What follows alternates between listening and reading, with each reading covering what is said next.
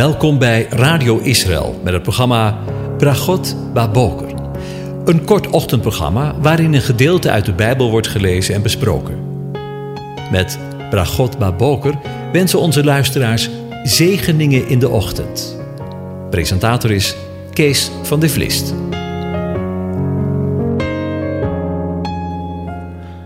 Goedemorgen, Bokatov, beste luisteraars. Vanmorgen gaan we weer verder met na te denken over Psalm 105. En daarvan lees ik de versen 37 tot en met 43. Hij leidde hen uit met zilver en goud. Onder hun stammen was niemand die struikelde. Egypte was blij toen ze wegtrokken, want angst voor dit volk was op hen gevallen. Hij spreidde een wolk uit om hen te bedekken en gaf vuur om de nacht te verlichten. Zij baden en hij deed kwartels komen. Hij verzadigde hen met hemelsbrood. Hij opende een rots en er vloeide water uit, dat als een rivier door de dorre plaatsen stroomde. Want hij dacht aan zijn heilig woord, aan Abraham, zijn dienaar. Zo leidde hij zijn volk uit met vreugde, zijn uitverkorenen met gejuich. Over Gods beloften gesproken. Na de laatste plaag in Egypte laat de farao hen eindelijk gaan en leidt de God van Israël hen uit het land met zilver en goud. We zijn hiermee aan een heel ander stuk van de geschiedenis van Gods handelen met zijn volk terechtgekomen. Na de verdrukkingen in Egypte wordt nu de woestijnreis in Psalm 105 besproken. Weet u, ik ben opgegroeid met de Bijbel van jongs af aan. Maar elke keer verbaas ik mij weer over de waarheid van de Bijbel. Zo ook nu weer. Want eeuwen en eeuwen geleden, bij de sluiting van het verbond met Abraham, wij zouden zeggen de stamvader van het verbond tussen God en zijn volk, kreeg Abraham de volgende belofte mee. En die lezen we in Genesis 15. Toen zei God tegen Abraham: Weet wel dat u, uw nakomelingen, vreemdelingen zullen zijn in een land dat niet van hen is. Zij zullen hen dienen en men zal hen 400 jaar onderdrukken. Maar ook zal ik over het volk dat zij zullen dienen recht spreken, en daarna zullen zij met veel bezittingen wegtrekken. Eeuwen en eeuwen daarna voert de Heere God zijn woord precies uit zoals hij aan zijn knecht Abraham heeft beloofd.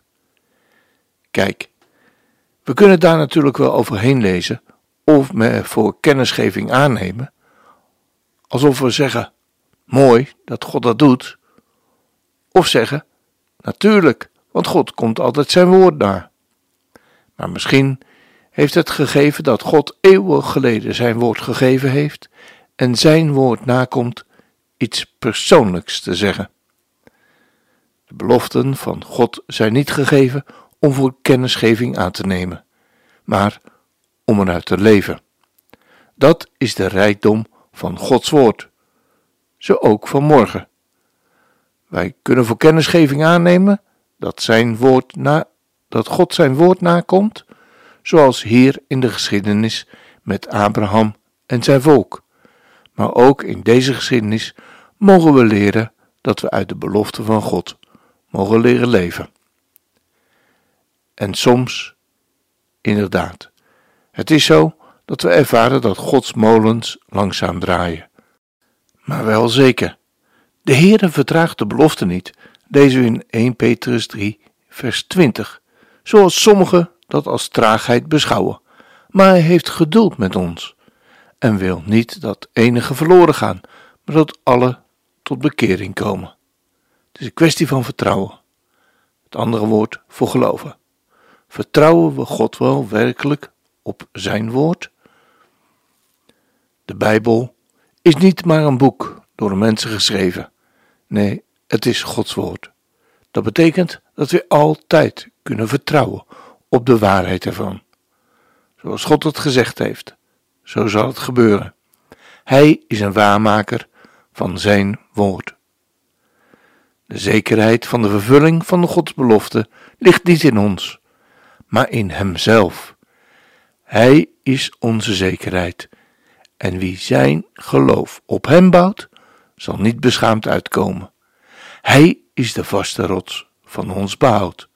Hij is het fundament en de hoeksteen, het begin en het einde, de alfa en de taf. Hij is alles. Daarom sta vast in Hem. Want als dat geen zegen is. Ik noemde zojuist de titel van het vers dat we gaan draaien. Het is een oud lied en we horen het bijna echt nooit meer. Maar misschien is het goed om nog eens te draaien. Vast de rots van mijn behoud, als de zonde mij benauwt, laat mij steunen op uw trouw. Laat mij rusten in uw schouw, in uw schaduw, waar het bloed door u gestort mij de bron van het leven wordt. Jezus, niet mijn eigen kracht, niet het werken door mij volbracht, niet het offer dat ik breng, niet de tranen die ik pleng, schoon ik om mijn zonde ween, kunnen redden, gij alleen. Zie, ik breng voor mijn behoud u geen wierook, mirre of goud. Moe kom ik, arm en naakt, tot de God die zalig maakt, die de arme kleedt en voedt, die de zondaar leven doet. Eenmaal als de stonde slaat, dat mijn lichaam sterven gaat, als mijn ziel uit de aardse woon opklimt tot des rechters troon, rots der eeuwen, in uw schoot berg mijn zielen voor de dood.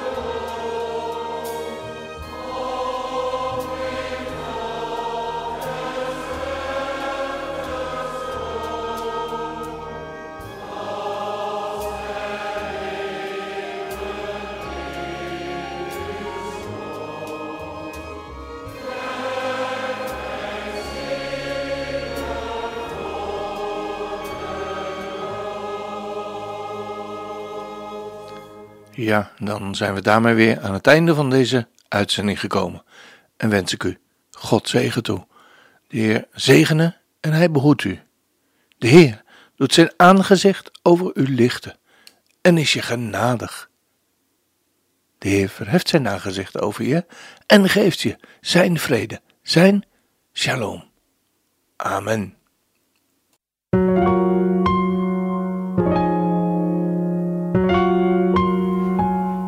Hebt geluisterd naar het programma Bragot Baboker. Een kort ochtendprogramma waarin een gedeelte uit de Bijbel wordt gelezen en besproken. Wilt u het programma nog eens naluisteren, dan kan dat. Ga naar radioisrael.nl en klik onder het kopje radio op Uitzending gemist.